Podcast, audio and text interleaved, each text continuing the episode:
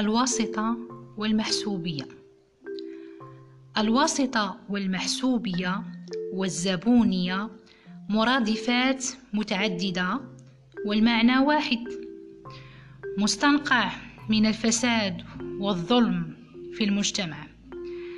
هذه الظواهر المنتشرة بكثرة في مجتمعاتنا العربية والتي جعلتنا للأسف نتصدر أكثر الدول في الظلم والفساد.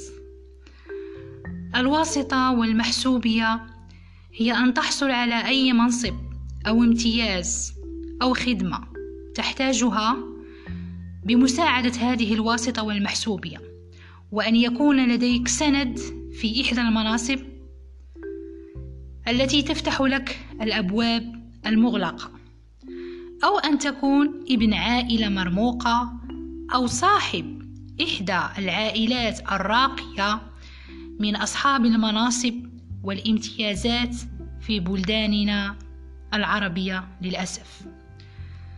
طريقة تقضي على حلم كل ضعيف وفقير لا حول له ولا قوة وآثارها التي تظهر للكل فساد وظلم وطبقية.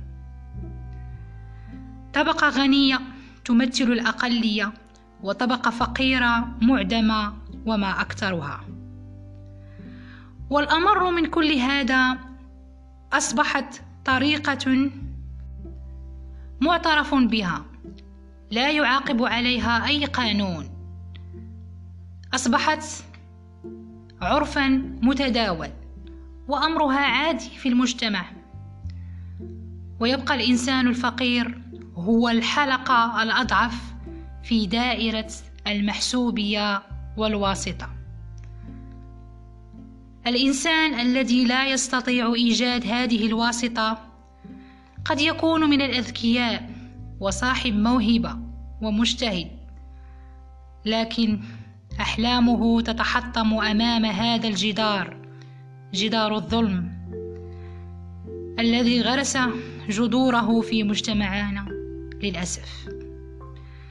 ويبقى الإنسان المظلوم من, من هذا كله. يعزي نفسه بأنه أعطى كل ما يجب تقديمه.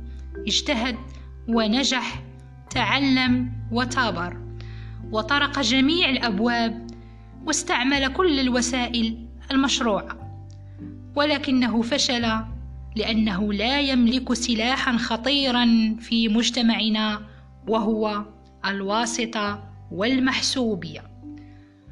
ولكن هناك رحمة من الله تعالى عند تعذر استعمال هذه الوسيلة القذرة والتي إن حصل على عمل أو منصب عن طريقها سيجمع أكيد دعوات المظلومين الذين كانوا أحق منه بهذه الفرصة. والله أعلم إن كان رزقه من هذا العمل حلال أم حرام عند الله.